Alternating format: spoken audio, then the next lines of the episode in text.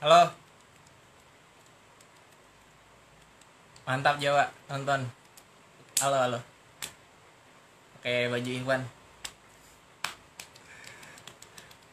Slow ya, belum datang ini Bang Atalanya. Mungkin oh oke datang nih. Gimana cara ngajak ya? Request bergabung Bang coba.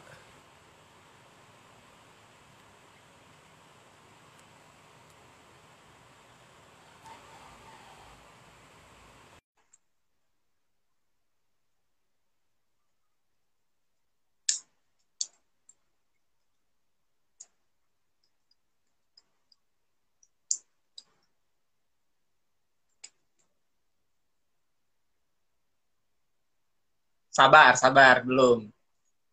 Sabar. Oke.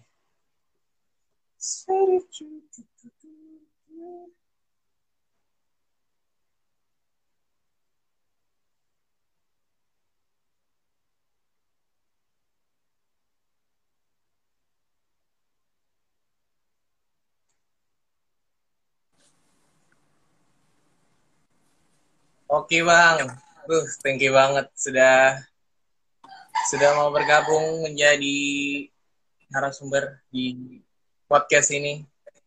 Waduh, Ya, sa- bang, santai santai. sebuah kesempatan yang sangat sangat sangat hebat bagi saya bisa mewawancarai Bapak Atala ini.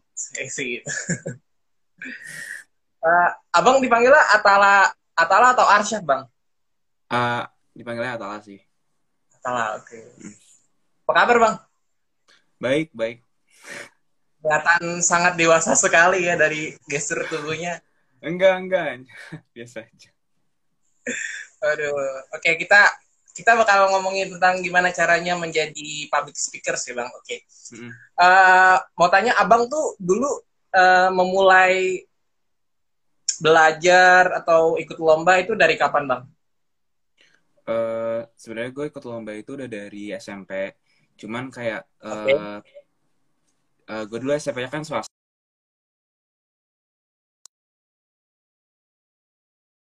Jadi kayak lebih terbatas. Jadi gue baru mulai banget lomba banyak itu pas masuk ke pas di SMA gitu, pas di negeri gitu sih. Oh dari SMP berarti bang? Mm-mm, dari iya dari SMP. Eh, itu belajarnya otodidak atau apa bang?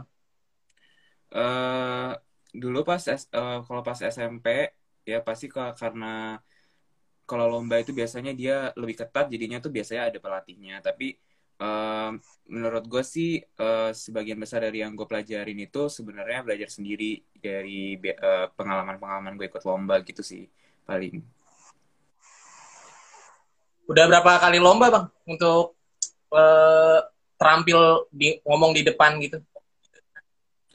eh gue nggak ngitung juga sih ya cuman kayak pasti dari setiap eh, lomba itu pasti eh, lu belajar sesuatu dan pasti eh, di yang ke selanjutnya itu pasti lu bisa lebih baik lagi gitu sih tapi gue nggak pernah kayak ngelist gue pernah ikut lomba apa aja atau maksudnya kayak ngitungin gitu kayaknya enggak sih paling gue kayak inget beberapa pengalaman gue doang kayak misalkan kalau eh, ada beberapa lomba yang kayak gue bener-bener berkesan banget itu biasanya baru gue ingat gitu Oke siap. Lu kan eh, public speakingnya kan bahasa Inggris ya. Apakah itu udah bahasa Inggris tuh udah udah jadi behavior lu dari kecil gitu?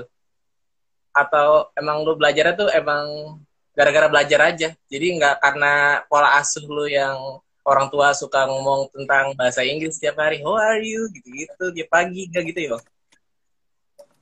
Enggak sih kayak eh, ya jadi sebenarnya keterampilan bahasa Inggris gue itu karena gue dulu sekolahnya di eh, sekolah internasional ya terus gue dari dari apa namanya dari kecil itu udah kayak di intens gitu sama sama orang tua gue untuk bisa Sebe- tapi sebenarnya kayak kelancaran bahasa Inggris gue itu lebih lebih berpengaruh di dari itu sih dari apa namanya dari sekolah dari sekolah di internasional gitu sih kayaknya. Karena gue tiap hari bisa ngomong kan sama orang-orang eh, itu bantu banget sih. Oke, mantap. Uh, ini gue canggung banget loh ngomong virtual kayak gini, enakan ngomong langsung waktu itu kayak kita pernah pengen ketemu, cuman waktu itu kondisinya lagi listrik negara lagi bermasalah ya bang, lagi mati Iya, lampu gara-gara iya. Waktu itu gue ini banget sibuk banget. Tapi sekarang udah luang sih, cuman kan nggak Gak bisa enak ketemu. kebering gitu. Aduh.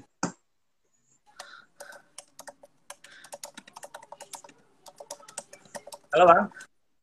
Ya, Ya nggak enak banget nih ngomong di Instagram kayak buffering gitu tapi gak apa-apa sih. nggak apa-apa, nggak apa-apa. Apalagi nih pertanyaannya. Ada banyak gua eh, kita ngomong sejam nih. Eh, dasar-dasar public speaking lu belajar nggak sih bang? Kayak apa ya intonasi nada gitu-gitu. Hmm, eh nggak sih, nggak belajar. Kayak menurut gue itu lu dapetin sendiri. Kayak misalkan lu lagi mempersiapkan untuk lomba, pasti lu tuh kayak eh lu pasti cari-cari kan gimana sih caranya biar eh, lu kalau ngomong tuh lebih bagus gitu.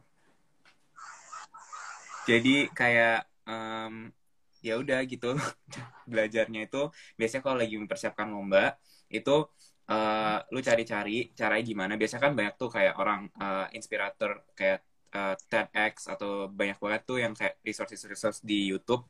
Itu biasanya kayak eh, gue ngikutin itu sih kayak ada take inspiration dari situ. Oh berarti Oh berarti referensi lu tuh tetap dari orang, idenya eh, dari nonton-nonton gitu video-video tentang kayak penyuluhan narkoba, ide-idenya lu ambil untuk lu tarik lagi untuk lu bikin sebagai materi gitu nggak sih? Iya, jadi eh, sebenarnya lebih fokus ke apa ya kayak cara metode bagaimananya gitu. Karena kalau misalkan eh, kita lihat ya kayak misalkan nih kita lomba, kita ngeliat orang, oh dia bagus nih ininya, itu kan biasanya kita belajar ya, terus kita terapin sendiri untuk diri kita sendiri gitu. Oke, siap, siap, siap. Lu sendiri Bang bikin materi gimana? Baca Kenapa? buku. Lu, lu sendiri Baik. kayak lomba kita kan waktu itu kan eh, ketemu di Spis di Man 10 ya waktu itu ya. Mm-mm. Ah, tahun lalu udah lama banget kita kita sebenarnya nggak pernah ketemu ini baru sekali doang.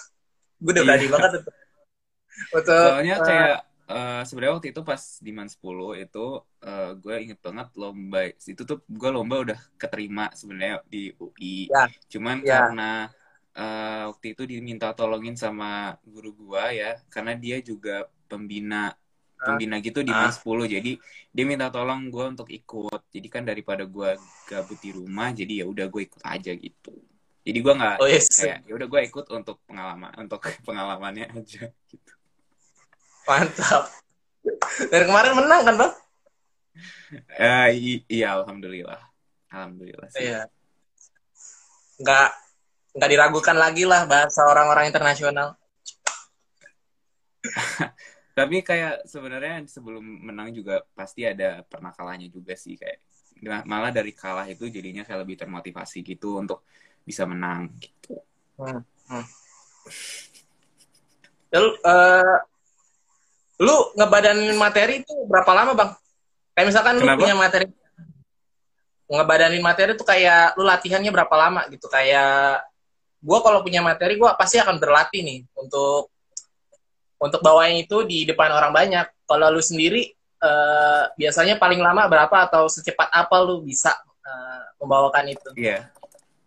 ataukah itu udah Oke. otomatis lu karena lu udah punya isi di kepala lu gitu Iya, jadi gini, kalau misalkan dulu gue misalkan eh, jadi itu sebenarnya gue speech itu terakhir eh, speech itu gue udah jarang sebenarnya. Terakhir tuh gue Iya. waktu itu sebenarnya kelas 11, terus kan disuruh lagi sama guru gue, jadi dia kelas 12. Ya, jadi tuh eh, kenapa gue nggak begitu lagi sering ikut lomba speech? Karena gue eh, mulai mengenal eh, model MUN itu kan, model United Nation. Nah, di Hmm. model United Nation itu dia eh, lebih banyak kayak kriterianya yang dinilai gitu kayak eh, kayak misalkan research lu gimana terus kayak eh, kayak diplomasi terus kemampuan negosiasi dan lain sebagainya. Nah jadinya tuh memang dari dulu ya background speech gue tuh adalah eh, gue lebih kuatin di researchnya gitu. Kayak gue cari lebih banyak lebih banyak ngabisin waktu ngebuat uh, draft dan ngebuat researchnya sendiri itu menjadi sebuah teks. Dan uh, lebih sedikit waktu yang gue habiskan buat uh, latihan gitu secara secara ngomong langsung gitu Nah, kalaupun gue latihan secara ngomong langsung, biasanya gue nggak berpanduan dengan teksnya gitu loh. Kayak gue hanya uh, ngambil garis besar dari teks gue dan gue improv uh, improvisasi aja gitu pas nyampein uh, speechnya gitu. Jadi gue nggak nggak begitu fokus. Yang penting kita nguasain aja dulu materinya secara uh, pengertian dan konsep. Nanti itu masalah uh, apa namanya masalah uh, masalah penyampaiannya itu nanti lebih mudah gitu. Oh jadi lu uh, menguasai materi dulu daripada lu harus hafal, ya gak sih? Iya iya, jadi gue nggak pernah ngafal gitu sih. Kalau lu perhatiin biasanya uh, pasti uh, juri-juri yang nilai gue tuh uh, mereka merhatiinnya biasanya uh, draft gue tuh beda banget dengan apa yang gue ya, apa yang uh, gue ucapin. Jadi nggak uh, word by word gitu. Karena kan ada orang yang bener-bener sama persis ngomongnya sama yang ada di draft dia gitu. Nah gue tuh enggak hmm. draft gue tuh sama apa yang gue bicarain tuh biasanya jauh banget. Tapi memang isinya tuh sama gitu itu yang yang yang yang ikut lu yang lu ikut delegasi perwakilan-perwakilan itu eh, apa itu semacam kayak simulasi gitu nggak sih? Iya itu semacam simulasi itu yang tadi gue bilang uh, model United Tapi itu lu beneran berhadapan sama orang-orang luar negeri? Uh, iya tergantung sih kayak kalau misalkan memang tingkatnya internasional ya pasti berhadapan dengan orang luar negeri gitu. Oke. Okay.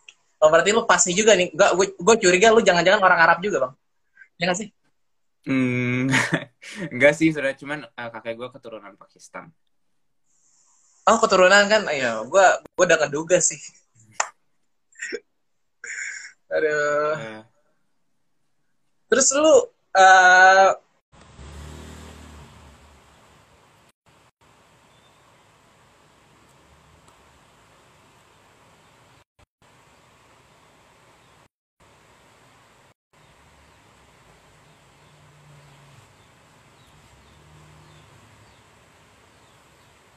sorry sorry tadi mati. Eh uh, nggak tahu kenapa. Sorry. Aduh mana nih pak? Banget pak.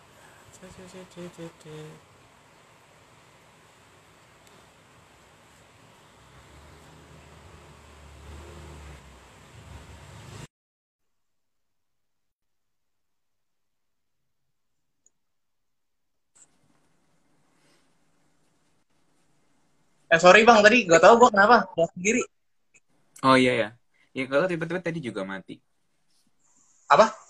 Iya tapi tadi tiba-tiba gue juga mati nggak tahu kenapa maksudnya. Gue kira emang ini mungkin ada ini kali sinyalnya kali. Oke, okay, sorry ya. Uh, lanjut ke tadi pertanyaannya. Terus apa fungsi lu apa fungsi public speaking di dalam kehidupan sehari-hari lu gimana, Bang? Hmm.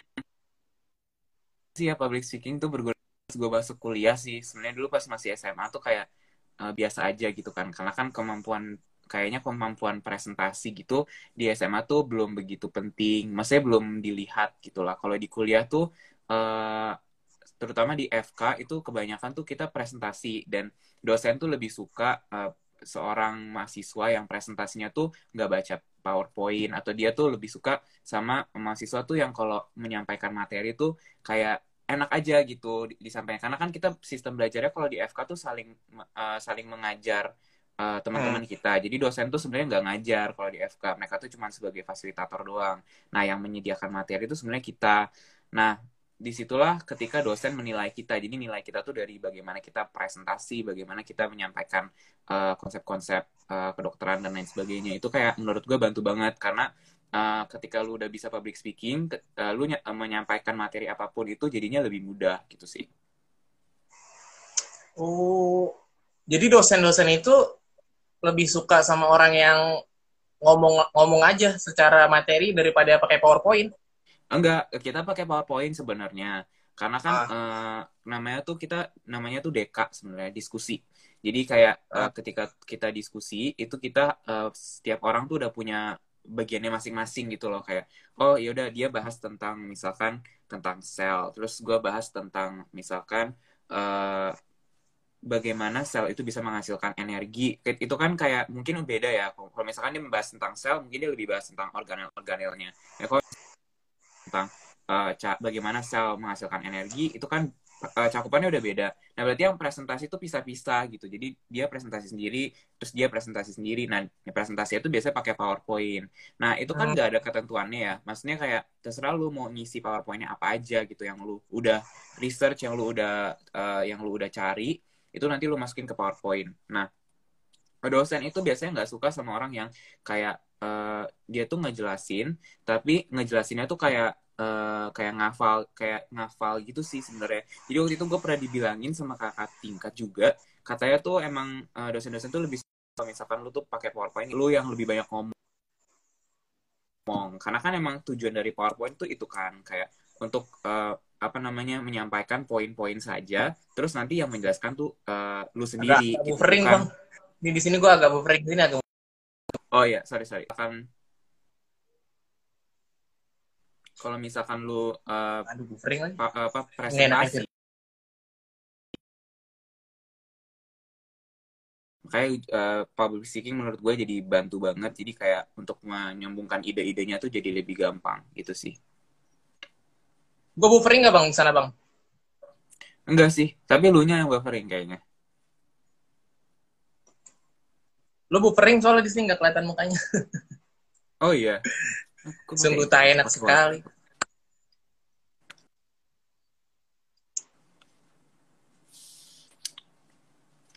Lagi. Halo bang. Pertanyaannya ada lagi nggak? Ya. Halo? Ah, ini udah enggak nih, udah enggak uh, sebenarnya in in basically public speaking public eh sorry public speaking itu sebenarnya apa sih bang? Uh, menurut gue sih public speaking tuh kayak kemampuan lu berbicara aja sih kayak kemampuan lu untuk menyampaikan pendapat dengan baik dan benar dan lugas di depan uh, orang besar gitu jadi kayak sebenarnya uh, banyak tipe-tipe public speaking ya. Mungkin bisa aja lu public speakingnya yang tipenya yang kayak menarik dan lain sebagainya. Tapi sebenarnya dengan lu udah bisa menyampaikan pendapat dengan jelas aja di depan umum walaupun tidak menarik itu sebenarnya udah termasuk public speaking gitu. Menurut gue sih karena kan tujuannya kan audiensnya adalah uh, publik kan. Maksudnya kayak umum gitu. Tujuannya banyak orang. Harusnya uh, informasi yang lu sampaikan itu bisa dimengerti dengan banyak orang juga gitu. Inti dari public speaking menurut gue itu sih. Oke okay, siap. Menurut lu semua orang bisa jadi public speakers gak? Menurut gue bisa aja sih kayak sebenarnya itu menurut gue kayak suatu skill yang bisa lu asah sendiri. Maksudnya lu bisa asah, cuman uh, memang ada beberapa orang mungkin yang kayak uh, malu dan lain sebagainya. Tapi kalau mereka udah membiasakan diri pastinya ya menurut gue nggak nggak susah sih untuk men, um, apa namanya meningkatkan keahlian lu untuk public speaking itu sendiri gitu.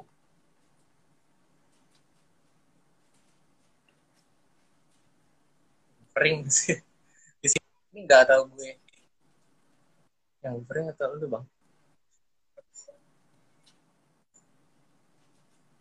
gue buffering nggak bang sana bang iya buffering oh. ya.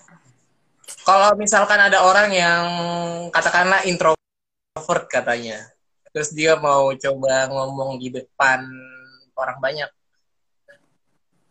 bisa nggak bang? Yeah Uh, uh, menurut gue sih bisa aja sih karena introvert itu kan bukan artinya orang itu nggak bisa ngomong di depan banyak orang. Kayak ya, ya, gue ya gue sendiri aja itu sebenarnya menurut gue gue adalah orang yang introvert gitu. Gue suka uh, gue ya. lebih suka menyendiri sebenarnya. Tapi gue juga nggak bukan yang kayak artinya menyendiri terus gitu. Cuman kayak ada waktunya di mana gue harus menyendiri. Ya tapi banyak juga kok teman-teman gue yang mungkin introvert tapi mereka bisa uh, public speaking lebih baik dari orang yang mungkin ekstrovert gitu. Buffering sekali.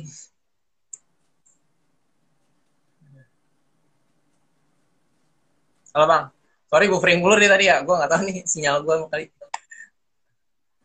Uh, ya gue juga sebenarnya pada dasarnya gue kayak ngerasa gue itu introvert juga, gue suka sama kesendirian. Tapi ketika gue di depan orang banyak gue tuh bisa ngomong jadi kayak ketika ada orang ekstrovert mau maju malahan dia malah nggak suka mau ngomong malah kebalikannya gitu sih Mm-mm. apakah itu bentuk apakah itu bentuk dari eh, pelampiasan orang-orang introvert terhadap dirinya apakah gitu Oh, eh iya, jadi sebenarnya kayak menurut gua beda-beda sih ya mungkin.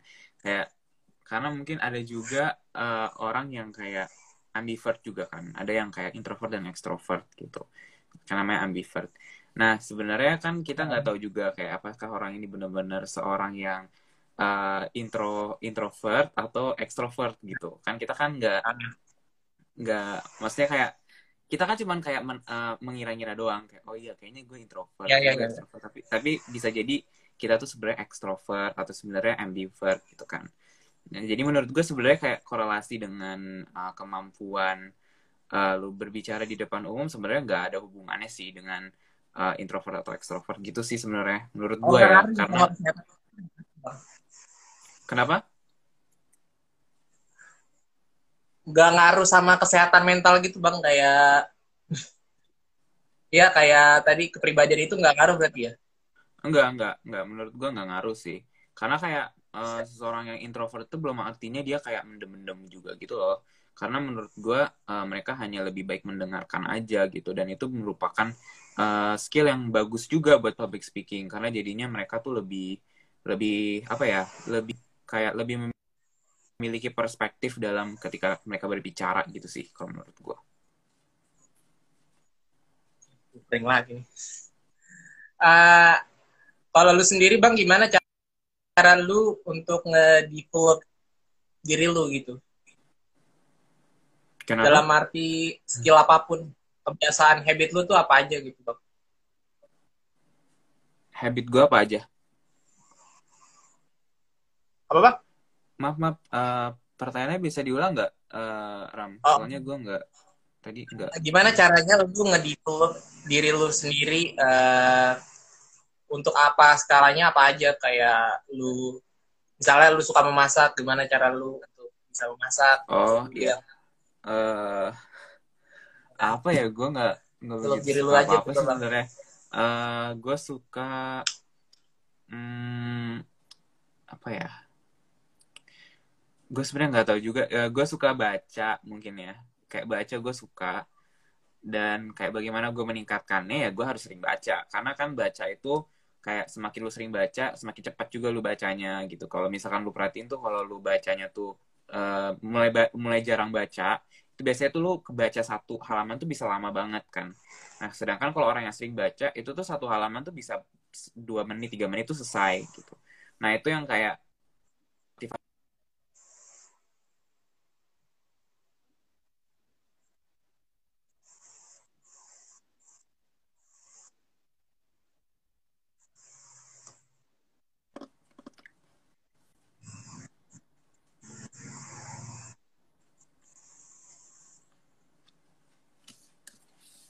udah bang tadi buffering soal Oh iya.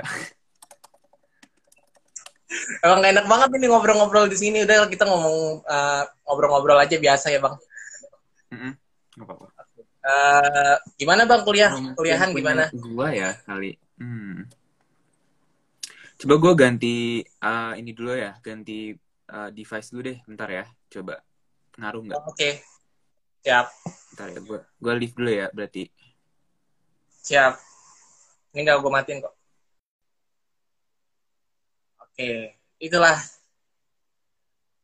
Itu baru sedikit tentang tadi kita ngobrol-ngobrol tentang gimana caranya menjadi how to become public speakers. Jadi guys kalau lu mau jadi public speaker sebenarnya kalau lu introvert tuh bisa jadi public speakers. Jadi nggak ngaruh sama kepribadian tuh nggak ngaruh. Jadi asalkan lu punya kemauan aja buat buat gimana caranya lu mau ngomong di depan orang tuh bisa sebenarnya. Kayak gue ngerasa gue tuh indri, eh, adalah orang yang termasuk orang introvert tapi kalau misalkan gue maju di depan tuh gue kayak bisa gitu. Eh gue nggak bilang gue bisa tapi eh, cukup cukup mau untuk untuk bisa gitu. Eh basically gue juga sebenarnya nggak terlalu jago tentang public speakers gue juga udah sering ikut lomba tapi nggak pernah menang cuman uh, ya gue uh, sedikit-sedikit mengerti lah gimana caranya untuk membuat materi. Gue pun kalau misalkan membuat materi in English tuh gue uh, biasanya gue tulis dulu pakai bahasa Indonesia lalu gue translate uh, pakai Google Translate terus gue bacain gue hafal. Gue gue kayak gitu. Kalau Bang Atta tadi katanya katanya beda. Kalau Bang Atala tadi dia bilang kayak yang penting lu gimana caranya paham sama sama caranya sama materi yang lu punya itu. Jadi udah ada di otak lu itu. Jadi tinggal ngomong aja. Nggak kayak gue yang perkata perkata lu hafalin terus lu omongin. Agak-agak susah tapi sedikit-sedikit itu akan uh, membuat kebiasaan pada diri gue agar agar bisa ngomong dengan improve dengan improvisasi. Nah ada berapa yang nonton? Ada empat orang. Udah ada banget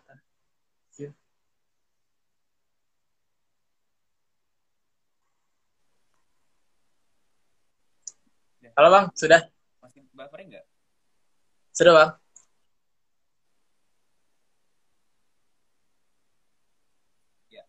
Nah ini agak agak oke okay nih bang. Saya nggak nggak buffering nih, kayak tadi.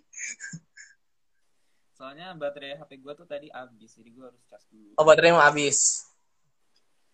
Ya, jadi... Nanti buka pakai apa bang? Nanti buka puasa pakai apa? Oh, nggak tahu. saya uh, kalau turun tinggal ini aja sih dari jadi. Suaranya agak gedean lagi bang, nggak kedengeran. Kayak sorry. Uh, kalau turun sih biasanya kayak langsung terima jadi aja gitu. Nggak ada suaranya bang. Coba ngomong dah coba ya gue pakai ini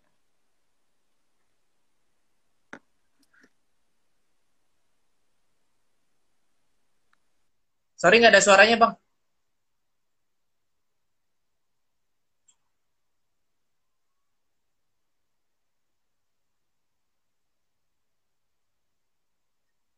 Buffering lagi, buffering, buffering, buffering, buffering.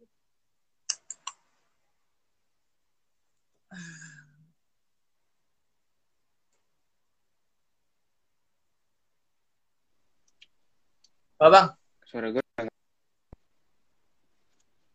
Udah kenal belum suara gue? Ada suaranya tapi jadi gue harus deketin HP gue lupa pakai headset. Oh oke. Okay. Ah oke. Okay. Ya. Lu alumni mana bang? Uh, gue alumni SMA 87 Jakarta di Sel Jakarta Selatan. Oh bukan Jakarta Barat ya? Uh, bukan. Barat,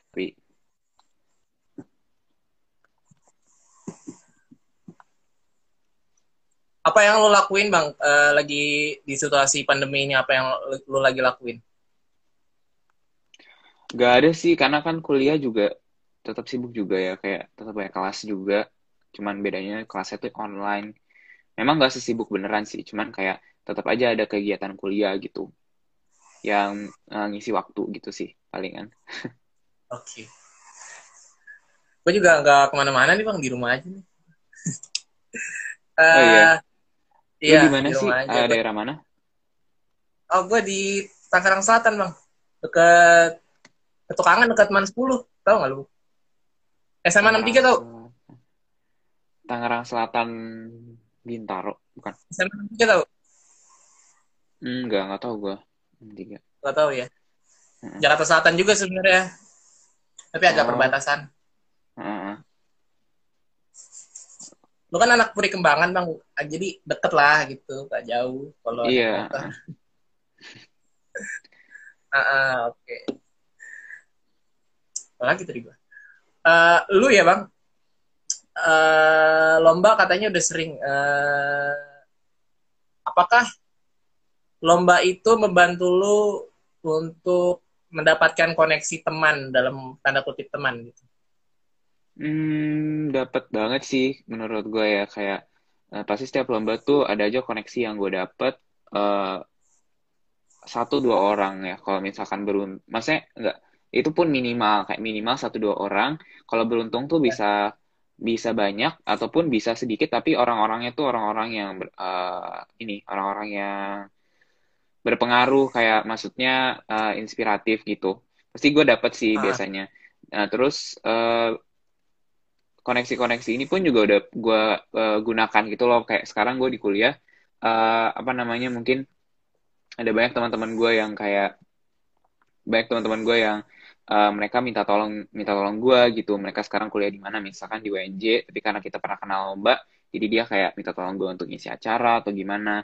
Terus juga uh, uh, gue pernah ketemu juga anak uh, FK dulu dia panitia di lomba apa gitu terus dia ingat sama gue kayak iya lu kan dulu pernah lomba di sini gitu nah gue aja nggak ingat gitu gue cuma ingatnya tuh kayak oh ini kayaknya mukanya tuh familiar tapi gue lupa siapa gitu ternyata dia tuh pernah ngepanitiain gue gitu di suatu lomba gitu. Terus gue kayak baru inget, oh iya iya iya bener-bener gitu. Mantap, mantap. Pernah diajak ikut uh, apa? Maksudnya diundang acara apa tuh bang waktu tadi kata lu? Oh ya, uh, jadi kayak misalkan contohnya apa sih biasanya tuh kayak kemarin gue suruh ngisi MC. ngisi kenapa? Jadi MC? Enggak, bukan, bukan. Gue nggak gue nggak kayaknya nggak cocok jadi MC deh karena gue kayak orangnya tuh terlalu terlalu formal kayaknya nggak nggak nggak begitu cocok jadi kayak paling ngisi itu yang kayak acara-acara yang kayak perlu, perlu pemateri gitu loh kayak kemarin gue disuruh ngisi buat oh. tentang uh, menggunakan jurnal gitu jurnal bahasa Inggris gitu gue kemarin ngisi itu itu sih paling oh pernah bang di mana waktu itu di UNJ oh di UNJ gue juga sempat tapi gue di panggung FBS ya dulu gue ikut lomba juga di situ. Hmm. Udah baru baru ini apa udah lama bang? Baru banget kok, baru-baru ini doang kemarin oh. sih. Hebat banget lu. Pasti di ini ya, di ruang-ruang dosen yang ber itu ya bang? Uh, enggak sih kayak karena kan kema kemarin tuh udah udah corona sebenarnya jadi kayak nggak bisa nggak bisa datang langsung ke sana jadi kayak di uh, dilaksanainnya tuh virtual gitu gue kayak presentasi presentasi doang kayak presentasi tentang uh, cara menggunakan jurnal gitu. Gue kira langsung dateng. Oh ya baru-baru ini lagi corona ya, gue mm -hmm. banget. Gimana bang rasanya kuliah di Universitas Indonesia yang sangat favorit untuk anak-anak SMA zaman sekarang? Gimana bang? Rasanya? Uh, ya, uh, gimana senang sih senang banget kayak menurut gue UI itu bagus kayak uh, banyak banget yang sesuai dengan ekspektasi terutama fakultas kedokterannya kayak uh, mereka tuh bener-bener beda banget sama SMA kayak uh, jujur uh, benar banget yang kata orang kalau misalkan lu di SMA tuh pinter. Uh, misalkan pinter nih terus di uh, FK di FKU itu orang-orang pinter yang dikumpulin semua dari seluruh Indonesia. Karena kan uh, biasanya tuh ya ranking satu sekolah yang pengen masuk FKUI. Nah, jadi ketika kita di ketika kita uh, apa nyampe di FKUI itu uh, apa namanya orang-orang itu kadang kan dia terbaik di sekolahnya. Nah, jadi ketika nyampe di FKUI itu mereka baru nyadar bahwa dari mereka gitu. Jadi dulu sebenarnya gue udah tahu ini sih dari dulu banget. Jadi makanya gue sebelum masuk FKUI pun gue udah mempersiapkan uh, diri kayak ya udah gitu kayak masih ada langit di atas langit gitu jadi kayak gue uh, banyak banget orang-orang di FKUI yang juga menurut gue kayak inspiratif gitu mungkin dalam bidangnya berbeda-beda gitu kan ya ya lo lo ya bang. Kenapa lo memilih jurusan kedokteran? Ya gue tahu uh, itu kan eh. kayak itu kan kayak impian semua orang yang pengen digapai tapi agak-agak sulit. Tapi lu bisa nih untuk nembus itu Apakah se, ya, se struggle apa lu? Ya jadi uh, cerita, cerita di sebenarnya kenapa sebenarnya sebenarnya gue bukan aslinya. Ataupun apa pun yang berhubungan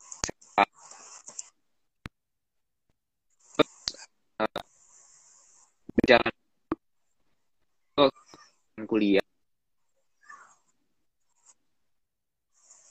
Jadi bisa di pendaftaran jalur pendaftaran ikutin itu kedokteran gigi itu belum dibuka. Jadi kayak baru buka itu tahun ini. Jadi tahun itu tahun itu tuh cuman yang dibuka tuh kedokteran doang. Ya jalur masuk yang gue ikutin.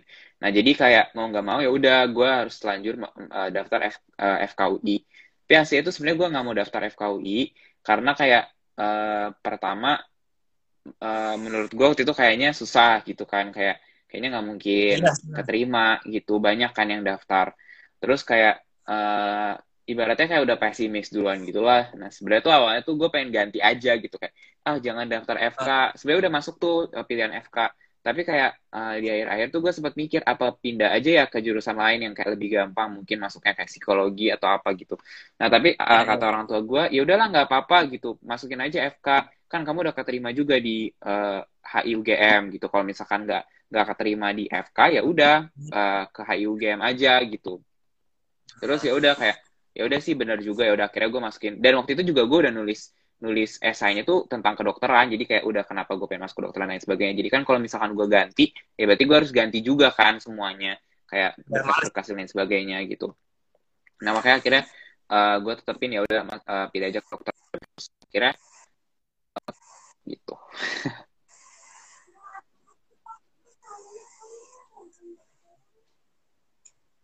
gitu bang keren banget gitu Oh, jadi lu sebelum daftar di UI itu daftar di UGM dulu HI ya? Iya, gue daftar di UGM dulu HI, terus baru uh, kenapa? Hubungan internasional bukan? Iya, hubungan internasional. HI. Jadi UGM. Interpol sebenarnya. Ya sih? Kenapa? Aslinya lu sebenarnya pengen jadi Interpol apa bukan? Oh enggak, sebenarnya tuh gue enggak enggak begitu tertarik. Maksudnya tertarik sih, kayak gue suka studi internasional, kayak isu-isu internasional gue tuh gue suka. Cuman uh, kayak menurut gue gue tuh lebih cocok di uh, ke kesehatan gitu. Kayak menurut gue di kesehatan tuh nanti rembet-rembetnya juga bisa kayak isu internasional. Kayak isu inter kesehatan internasional kan perlunya tuh dokter gitu.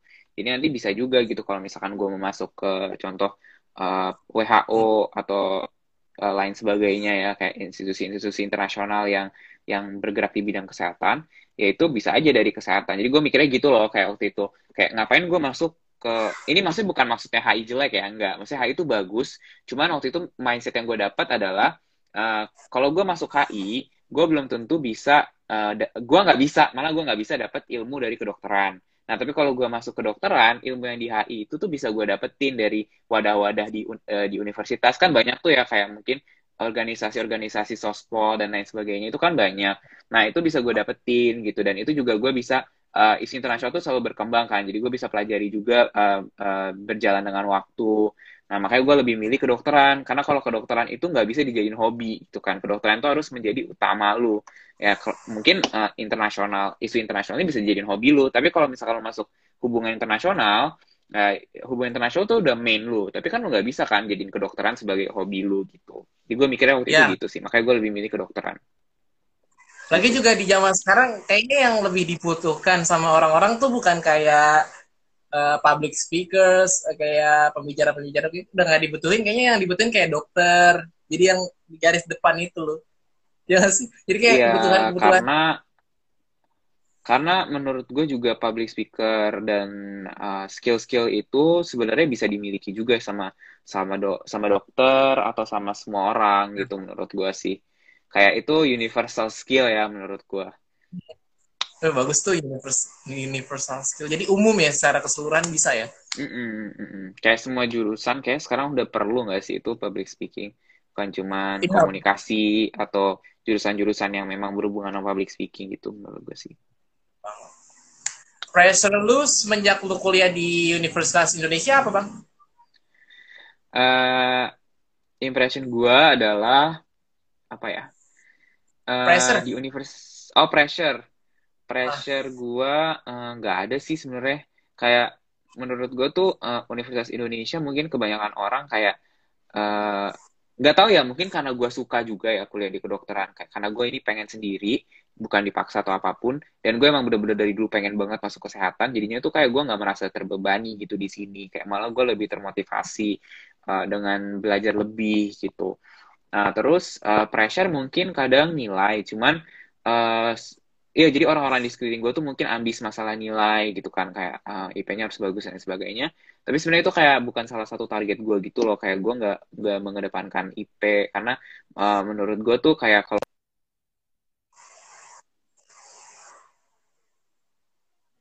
uh, menghalangi lu gitu untuk belajar lebih jauh. Jadi kayak gue lebih prioritasin bahwa gue di sini di UI itu untuk belajar gitu dan untuk belajar se jauh-jauh dan se uh, se apa ya se bisa mungkin sejauh mungkin dan sebisa mungkin gue belajar. Dan dari belajar itu gue ingin ilmunya bermanfaat. Jadi bukan cuma karena gue belajar itu biar nilai gue bagus. Karena beda ya belajar untuk nilai bagus dan ya, belajar untuk belajar itu beda. Kalau lu belajar untuk belajar lu tuh akan belajar uh, di luar yang diinginkan uh, dari lu. Misalkan lu cuma disuruh belajar itu sampai A sampai D misalkan Nah, tapi lu karena lu pengen uh, bukan pengen nilai bagus, ya jadi lu belajar itu sampai Z misalkan. Itu bedanya gitu. Kalau misalkan lu mau nilai bagus ya pasti dari D aja udah bagus. Cuma kalau misalkan lu belajar yang sampai Z, kadang tuh uh, nilai karena bukan prioritas lu, jadinya kadang nilai lu mungkin nggak sebagus kayak orang-orang lain gitu. Itu mungkin kayak salah satu hal yang menurut gua kayak perlu ditekanin gitu. Oh, jadi lu orientasinya bukan nilai tinggi tapi gimana caranya tuh gue tuh bisa di prakteknya gitu. Ya gak sih? Iya uh, benar benar. Benar banget. Jadi tekanan itu tekanan itu menurut lu akan ada ketika lu merasa terbebani gitu. Ke, sedangkan lu nggak merasa terbebani karena lu suka sama FK benar? Iya iya kayak gitu menurut gue sih. Kayak uh, mungkin menurut gue ya karena FK menarik jadinya tuh nggak beban gitu. Jadinya gue menjalaninya tuh kayak wah menarik menarik aja. Tapi kan ada juga orang yang aslinya mungkin pengen kayak misalkan nih dia pengen masuk misalkan teknik terus dia tiba-tiba masuk FK itu tuh di, di kuliahan ada yang kayak gitu di FKU itu ada dia tuh jadinya jatuhnya tuh kayak agak linglung gitu kayak malah tuh jatuhnya jadi memberatin buat dia Padahal menurut gue kan secara materi, ya ini menurut gue ya, secara materi itu yeah. Ya. uh, teknik tuh lebih susah gitu. Tapi menurut dia mungkin kebalikannya gitu, karena mungkin dia nggak begitu suka dengan kedokteran. Sama halnya kayak gue, gue kan nggak begitu suka teknik, jadinya ya menurut gue susah gitu. Lu nonton apa sih bang, sampai lu bisa pengen ke situ? Apa apa enggak? Hmm. Apa uh, ada kaitannya juga dengan bidang kesehatan gitu? Iya, jadi sebenarnya gue pengen masuk FK, terutama FKUI. Itu tuh karena dulu tante gue tuh FKUI. Jadi tante gue dulu tuh kuliah di FKUI, terus gue lihat kayak dia tuh keren banget gitu loh, kayak dia tuh uh, maksudnya bukan hanya karena dokter ya, tapi karena dia tuh orangnya tuh kayak uh, kayaknya tuh FKUI itu uh, nilai-nilainya tuh bagus gitu, kayak uh, sebagai dokter tuh kayak dia belajarnya keras banget, terus dia kayak uh, apa namanya? kayaknya tuh uh, dia tuh uh, humanis banget orangnya uh, kayak ya gitu deh pokoknya tuh kayak seorang yang gue lihat yang gue look up tuh gitu. Kayak gue uh, apa namanya pokoknya gue idolakan. Nah makanya gue akhirnya kayak kayak pengen banget FKUI gitu. Kayak FKUI itu kayaknya keren banget gitu. Kayak akhirnya gue uh, milihnya FKUI nah tapi karena uh, melihat situasi SMA gue ya. Jadi tuh kalau uh, lu nggak tahu SMA 87 itu sebenarnya bukan SMA unggulan. Nah kalau nggak SMA unggulan tuh biasanya FKU itu nggak mau kayak mereka tuh rasis gitu kan lumayan rasis dan lumayan eksklusif sebenarnya. Kayak yeah. FKU itu cuma maunya tuh dari sekolah-sekolah bagus doang yang memang udah banyak anak-anak FKUI-nya kayak contoh nih uh, biasanya tuh oh, kan iya. terkenal tuh kayak wah uh. anak 8 tuh banyak ke FKUI gitu. Nah makanya mereka tuh anak uh, SMA 8 tuh undangannya banyak kan ke FKUI bisa sampai 10 bisa sampai 12 orang gitu yang ke FKUI nah nanti kalau udah uh, satu angkatan nih di angkatan gue aja anak 8 itu ada 27 orang. Ya dari 180 itu kan banyak banget hmm. kan 27 orang dari SMA 8 gitu. Nah jadi tuh uh, apa namanya jadi itu kayak perbedaannya itu sih kayak gue bukan dari sekolah unggulan terus uh, waktu itu dulu tante gue tuh sekolahnya bagus gitu. Dia tuh dulu dari SMA 68 which is SMA bagus kan. Sebelah FKUI malah eh, SMA-nya tuh di Salemba. Nah makanya dia bisa masuk FKUI dan dia tuh emang bener-bener pinter banget gitu loh. Jadi kayak uh, di keluarga gue tuh udah ketahuan kayak dia tuh emang dia tuh pinter makanya bisa masuk FKUI gitu. Nah sedangkan tuh waktu itu gue uh, gue merasa bahwa gue tidak sepintar itu gitu. Kayak nggak kayaknya uh, nggak deh gitu. Kayak apalagi gue sekolahnya nggak unggulan kan. Jadi tuh sekolah gue tuh belum pernah ada yang masuk FKUI sebelumnya. Jadi kayak guru-guru tuh banyak yang pesimis. Kayak ngapain sih masuk uh, apa uh, tingginya ketinggian gitu masuk FKUI FKUI kan kayak uh, kita belum ada yang pernah masuk FKUI gitu loh. Yang di sekolah gue aja tuh waktu itu ada uh, kakak kakak kelas gue ya di atas gue dia tuh ranking satu seangkatan. Dia daftar F Fakultas Kesehatan Masyarakat UI aja tuh nggak keterima. Gimana kedokteran gitu kan. Dokteran kan udah jauh paling tinggi kan di di UI jadi kayak waktu itu guru-guru uh, tuh bilangnya kayak ah udah nggak usah nggak usah nggak bakal keterima gitu nggak bakal masuk itu kan. Terus uh, akhirnya ternyata gue masuk gitu. Itu sih paling. Lu lu ya bang. Uh, eh, gue lihat di snap story lu tuh sering nonton film India gitu. Apa powernya sebagai sebagai penonton nonton film India? Gak ada sih sebenarnya karena kayak uh, kayak gue suka aja sih semua film. Sebenarnya jujur ya kayak gue film uh, film Rusia juga gue tonton. Cuman kayak nggak pernah gue nggak pernah gue post aja gitu bahkan kayak film-film oh. India tuh kayak banyak yang inspirasional ya. Kayak contoh film Three Idiots tuh salah satu film favorit gue gitu. Makanya gue waktu itu pernah post di Instagram. Film apa bang? Film Three Idiots itu yang inspiration yang menurut gue inspirasional gitu. Banyak banyak oh. banyak film India yang kayak bagus gitu loh maknanya gitu. Enggak, gue justru kayak curiga uh, kunci sukses bahasa Inggris lu tuh dari film India itu loh. Enggak lah, enggak ada hubungannya. Enggak ada hubungannya. Asik banget nih ngobrol sama lu, Bang. Asik. Uh, lu itu ya, Bang. Uh, uh, lu sebagai manusia gimana cara memandang manusia yang lainnya? Uh, Oke, okay, jadi sebenarnya dulu tuh pas SMA sama kuliah tuh beda banget ya perspektifnya. Kayak di SMA tuh mungkin uh, kayak lebih individualis ya, kayak enggak sih sebenarnya enggak individualis juga sebenarnya. Kayak jadi tuh sebenarnya di SMA tuh karena gue tujuannya udah jelas kayak oh gue pengen FK nih jadi banyak orang yang mandang gue tuh ambisius gitu. Kayak orang-orang tuh ngeliatnya kayak ih dia kan uh, dia kan ini kayak dia kan pengen masuk FK gitu. Pasti dia uh, apa namanya uh, ambisnya besar gitu. Kayak apa namanya ya intinya gitulah.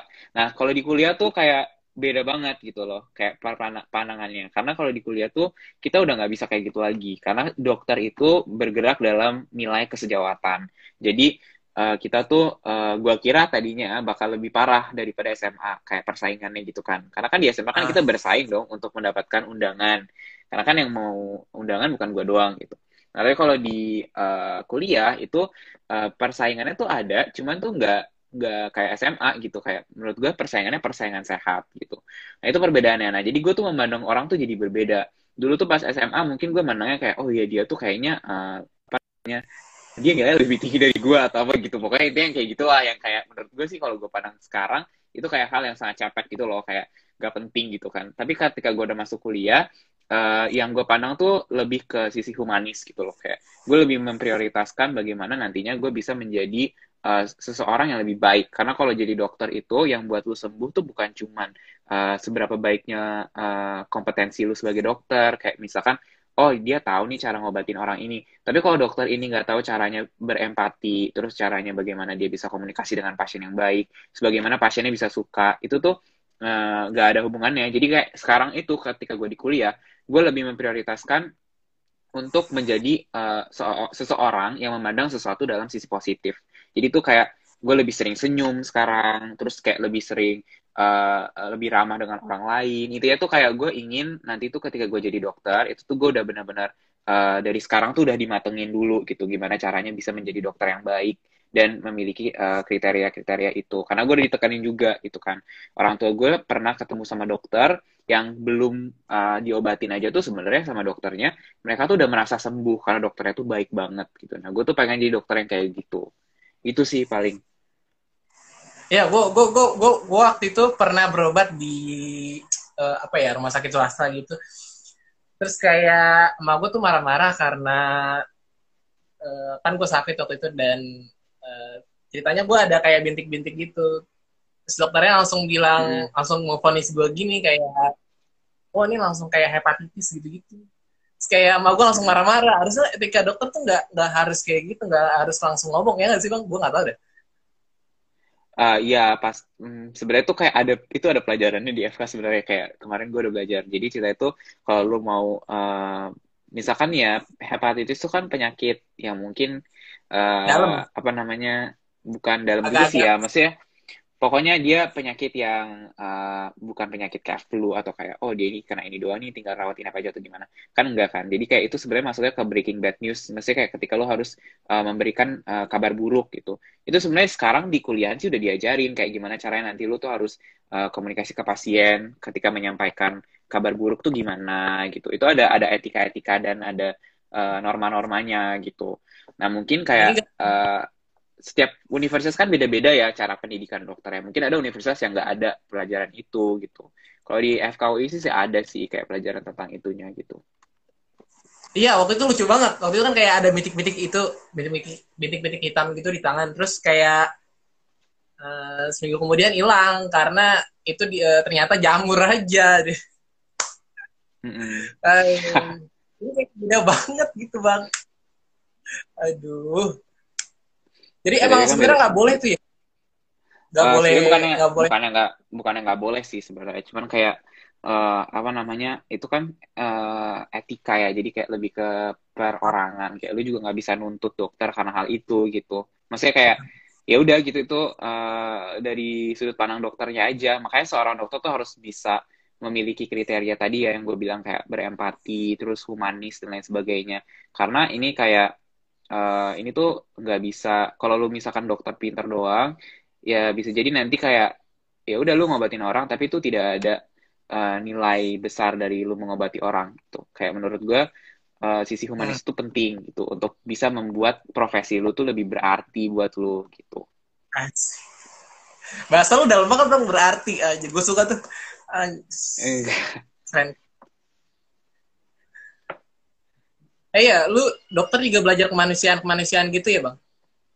Uh, mm, iya, iya. Kita belajar. Namanya, uh, kalau di uh, program uh, gue ya, program internasional tuh ada namanya uh, cultural competence. Itu kayak kompetensi kompetensi budaya namanya. Humaniora, profesionalisme, dan kompetensi budaya. Itu kita belajar tentang bagaimana menghormati budaya orang lain. Nah, itu tuh waktu itu gue belajar ya, gue tuh uh, belajarnya gak ada berhubungan dengan kedokteran. Jadi kayak contoh nih ya uh, gue disuruh nonton film kayak kalau lu pernah nonton film Sang Penari itu gue disuruh nonton. Nah di situ ada budaya yang mungkin buat gue tuh kayak uh, asing gitu ya. Budaya itu aneh. Tapi itu adalah sebuah budaya yang ada dan uh, yang budaya yang menang yang benar-benar uh, perlu dihargai. Nah tapi walaupun budaya itu aneh walaupun budaya itu tabu mungkin dalam sudut pandang modern itu kenapa kayak bagaimana caranya lu bisa uh, uh, gimana ya bagaimana caranya lu bisa mengembrace budaya itu gitu itu pokoknya belajar kayak belajar kayak gitu deh intinya kayak, kayak tentang budaya budaya terus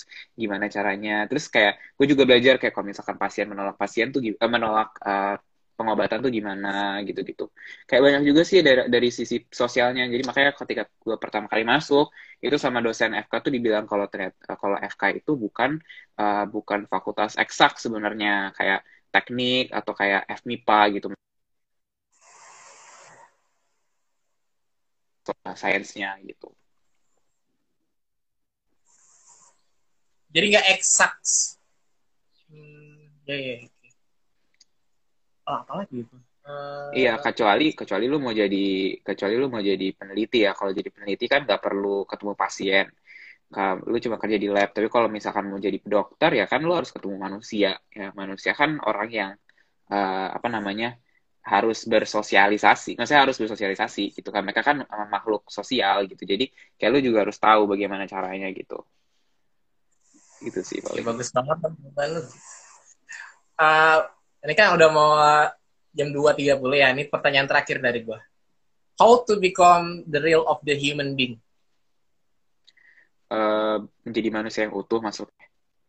Ya. Gitu ya uh, menurut gue tuh kayak kalau sebagai manusia ya kayak lu tuh harus punya tujuan yang jelas. Kayak uh, lu harus punya pendirian itu yang paling penting. Kayak tujuan dan pendirian. Tujuan akhir lu tuh apa? Terus pendirian lu tuh apa? Kayak kalau lu punya pendirian-pendirian ini kayak pastikan pendirian-pendirian ini lu, lu tetapkan gitu. Mungkin aja bisa jadi pendirian ini bisa dalam bentuk agama atau mungkin dalam bentuk bentuk uh, kepercayaan lu masing-masing intinya gitu. Tapi kayak bisa dalam bentuk apa pun intinya. Tapi uh, lu harus punya pendirian ini gitu menurut gue itu penting. Nah tujuan kenapa penting juga karena lu bisa menggunakan pendirian lu untuk mencapai tujuan yang lu inginkan itu itu kayak salah satu hal yang menurut gue uh, kayak penting gitu ya. Karena ada yang namanya tuh uh, seseorang yang yang mungkin banyak ya tujuannya tapi lu tuh harus uh, harus fokusin gitu tujuan lu tuh sebenarnya mau apa yang utama gitu. Karena uh, manusia tuh punya keter keterbatasan. Gitu harus harus tahu oh ya udah tujuan gue sekarang Betul. ini dan lu harus fokusin tujuan lu ke itu dulu gitu. Jangan kayak kebanyakan tujuan. Itu menurut gue itu sih. Dan kalau untuk manusia yang secara utuh menurut gue uh, tadi ya yang gue bilang kayak orang yang mungkin bermanfaat dengan orang lain ya salah satu alasan kenapa gue milih kedokteran juga karena menurut gue kedokter itu sangat bermanfaat ya buat orang banyak sangat, sangat. karena hanya satu orang doang. Ya terus uh, lu juga harus bisa menghargai orang lain ya menghargai dan uh, menyadari bahwa lu tinggal di dunia ini dengan dengan orang-orang lain juga gitu. Jadi kayak lu harus bisa uh, belajar caranya bagaimana menjadi seseorang yang akan uh, bisa uh, apa ya coexist dengan orang-orang ini gitu. Kayak contoh kayak di kerja atau mungkin mungkin di rumah atau di mana gitu. Jadi kayak lo harus uh, dia gitu sih. Kayak menurut gue untuk menjadi manusia yang utuh kayak itu perlu perkembangan ya perlu step by step gitu. Nggak bisa kayak tiba-tiba lo jadi manusia yang baik gitu kan. Uh, eh, gue aja masih terus belajar gitu. Kayak kayak menurut gue penting banget kita jadi sebagai manusia itu uh, intinya di akhirnya adalah bukan cuman hal yang lu dapatkan tapi juga cara berpikir lu jadi berubah gitu Oke, thank you banget Bang. Thank you, thank you. Ini sudah, ini kita masih mau lanjut ngobrol apa mau udahan aja Bang? Uh, terserah sih, cuman kayak uh, tadi gue bilang, ini berarti. Eh, jam 3 mau cabut ya Bang? Ya, kalau misalkan uh, habis baterai,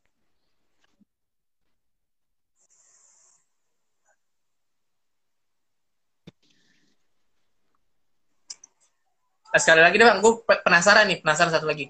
Mindset apa yang merubah hidup lu selama ini?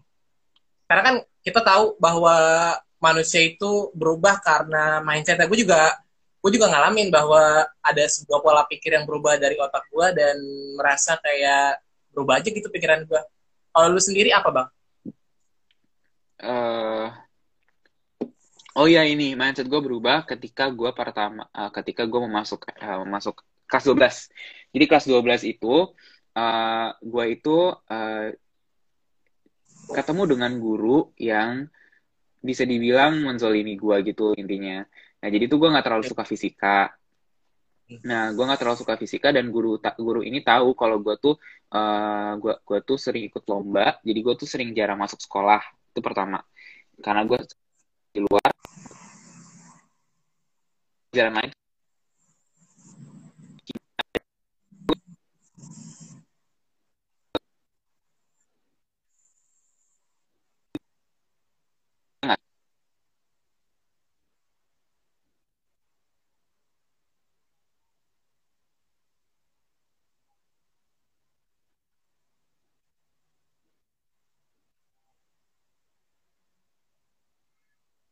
buffering bang.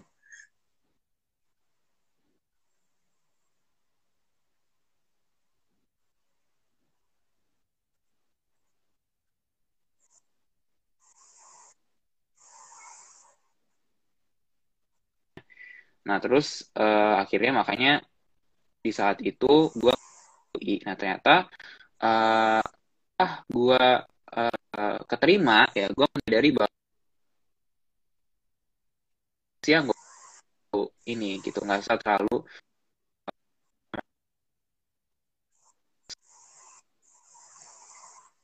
pokoknya jangan terlalu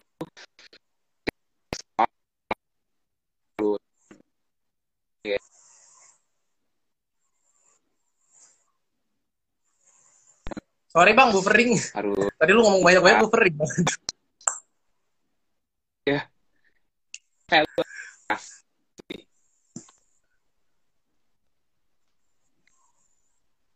Halo, Bang? Gambar gue buffering nggak?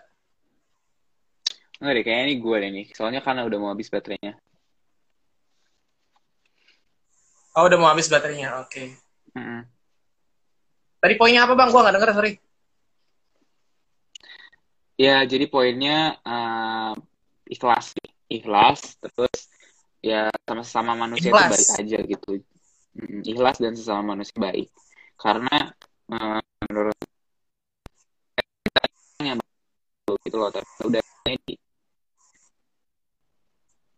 In my case ya, di dalam kasus gue sih, gue akhirnya uh, berhasil masuk FK kan. Which is banyak yang nggak bilang nggak bisa, gitu. Banyak yang bilang nggak bisa, termasuk guru ini gitu. Nah salah satu uh, hal yang uh, guru ini bilang gitu ya, gue inget banget itu kayak dia nggak mungkin keterima FKUI. Dia bilang gitu kayak nggak mungkin kok orang senilainya udah saya turunin 10 poin gitu, kayak nggak mungkin keterima di FKUI. Terus kayak tiba-tiba keterima dan keterima lewat jalur undangan. Itu kan kayak udah udah kayak udah kayak dari udah gimana sih kayak ibaratnya tuh kalau misalkan lu pikir secara logis nih ya nilai lu tuh udah jauh banget kayak sedangkan nilai-nilai anak hmm. yang daftar dari tempat lain mungkin lebih bagus dari nilai lu tapi kenapa lu bisa keterima itu kan artinya udah memang udah